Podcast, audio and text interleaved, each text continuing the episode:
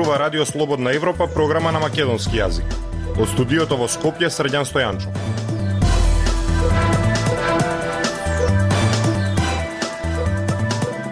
Ја слушате емисијата на Радио Слободна Европа, почитувани. Во неа објавуваме Путин воведува медиумско едноумие за војната во Украина.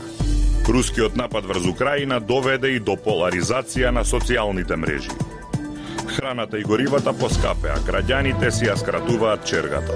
Слушајте. Актуелности свет на Радио Слободна Европа. Додека надвор води војна со Украина, Путиновата влада и дома ја засилува битката со цел да контролира што се објавува за војната и западните санкции, обидувајќи се да создаде национално едногласие од советски стил. Неколку медиуми згаснаа откако рускиот парламент одобри нацрт закон со кој се предвидени затворски казни до 15 години за ширење така наречени лажни информации за руските воени операции. Емил Златков На 3 март клучниот комитет на рускиот парламент одобри нацрт закон со кој се предвидуваат затворски казни до 15 години за ширење лажни информации за руските воени операции, објави англиското издание на Радио Слободна Европа. Истиот ден бордот на директори на легендарната радиостаница Ехо Москви гласаше за ликвидација на каналот и неговата веб страница под силен притисок на руската влада поради низиното известување за инвазијата на Украина. Станицата прекина со емитување, а незината веб страница беше блокирана на 1 март, како и либералната телевизија Дошт. Исто така на 3 март Руското министерство за образование одржа онлайн лекција за да им објасни на учениците и нивните наставници зошто беше необходна ослободителната мисија во Украина, како што велеа. Додека неиспровоцираната војна на председател Владимир Путин зема уште поголем забав, неговата влада ја засили својата битка дома, барајќи не само да го контролира невидениот наратив на војната и последиците од западните санкции, туку и да наметне национално едногласие од советски стил. Оваа војна ја менува Русија на многу лош начин, напише на Твитер Сергеј Уткин, шеф на одделот за стратегиска проценка на Институтот за советска економија и меѓународни односи на Руската академија на науките. Сем Грин, директор на Институтот за Русија на Кралскиот колеж во Лондон, напиша дека Путин, како што вели, ефективно води две војни, една во Украина и една дома во Русија.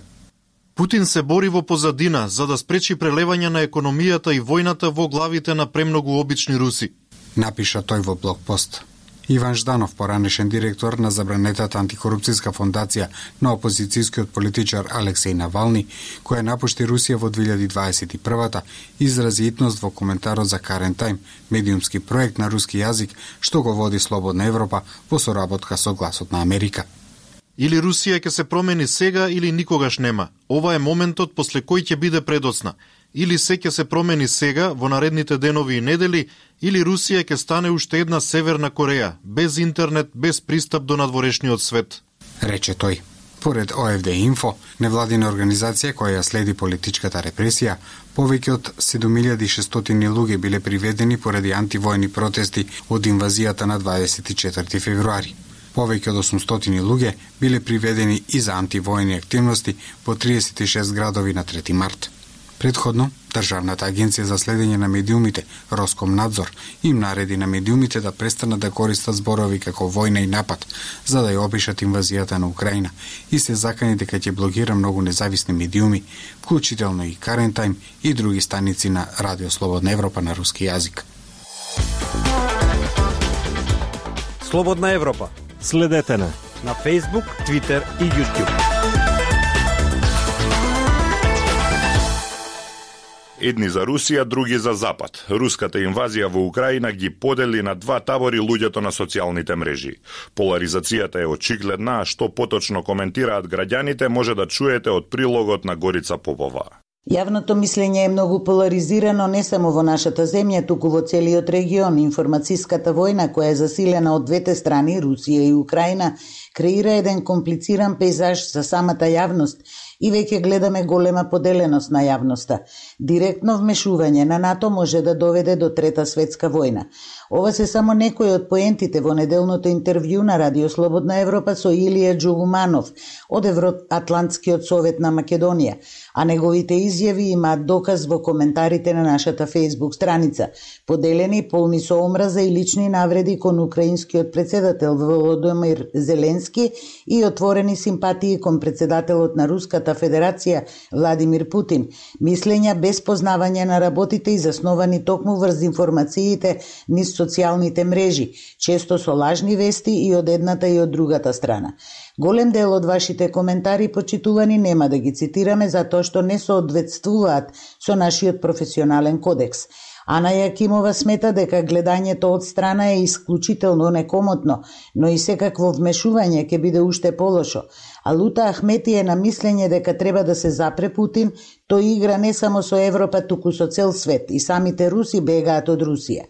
Но Златко Дерковски смета дека НАТО инсталира режим во Украина, им праќа специјалци, инструктори, оружје и пари, НАТО изврши економска и психолошка пропагандна војна врз Русија и Украина. Ова што се случува со Украина и Русија е дело на НАТО.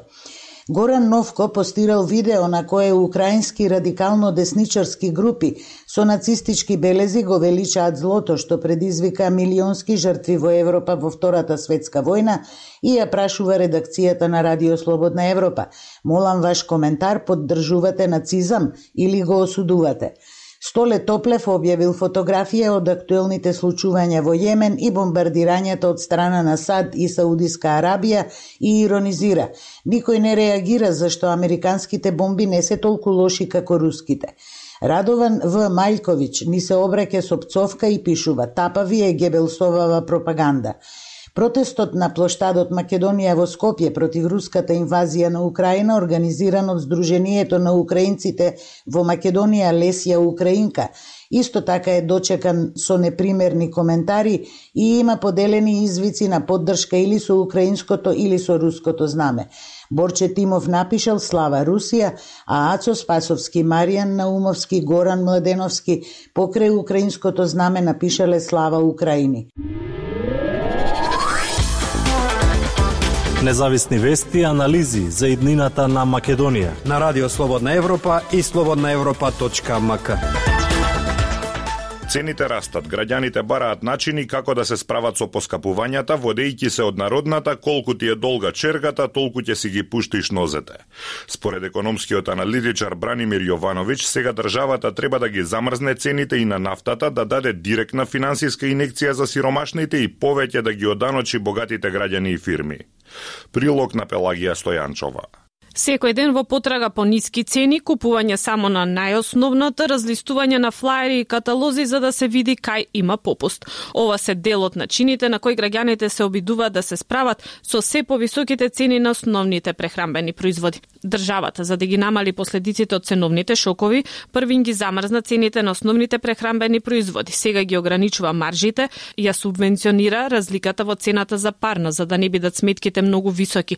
Се зголеми минималната плата, а има најави и за помош на пензионерите. Борка Кузмановска е пензионерка. Незината пензија од 12.000 денари ја троши на храна, а пензијата на сопругот, која е за околу 2.000 денари повисока, плаќа сметки и лекови. Колку приход има, толку ќе троши. Или народната изрека, како што вика, колку ти е долга чергата, толку ќе си ги спустиш од. Купувам само тоа што ми е потребно. Залихи не правам, нити па непотребни работи некои како едно време што си дозволувавме те, ќе видиш ова, ќе го земеш да го пробаш веќе повеќе од тоа нема ништо. Вели пензионерката. Бранимир Јовановиќ од Венскиот институт за меѓународни економски истражувања вели дека државата мора да ги ограничи цените на храната и на нафтата. Тоа што го направи со маржата мислам дека е погрешно и се гледа дека доведе до покачување на цените откако се воведе тоа и до недостаток на производи затоа што фирмите не ги повлекуваат производите за да ги продават по висока цена. Мислиме дека тоа треба да се врати на она старото.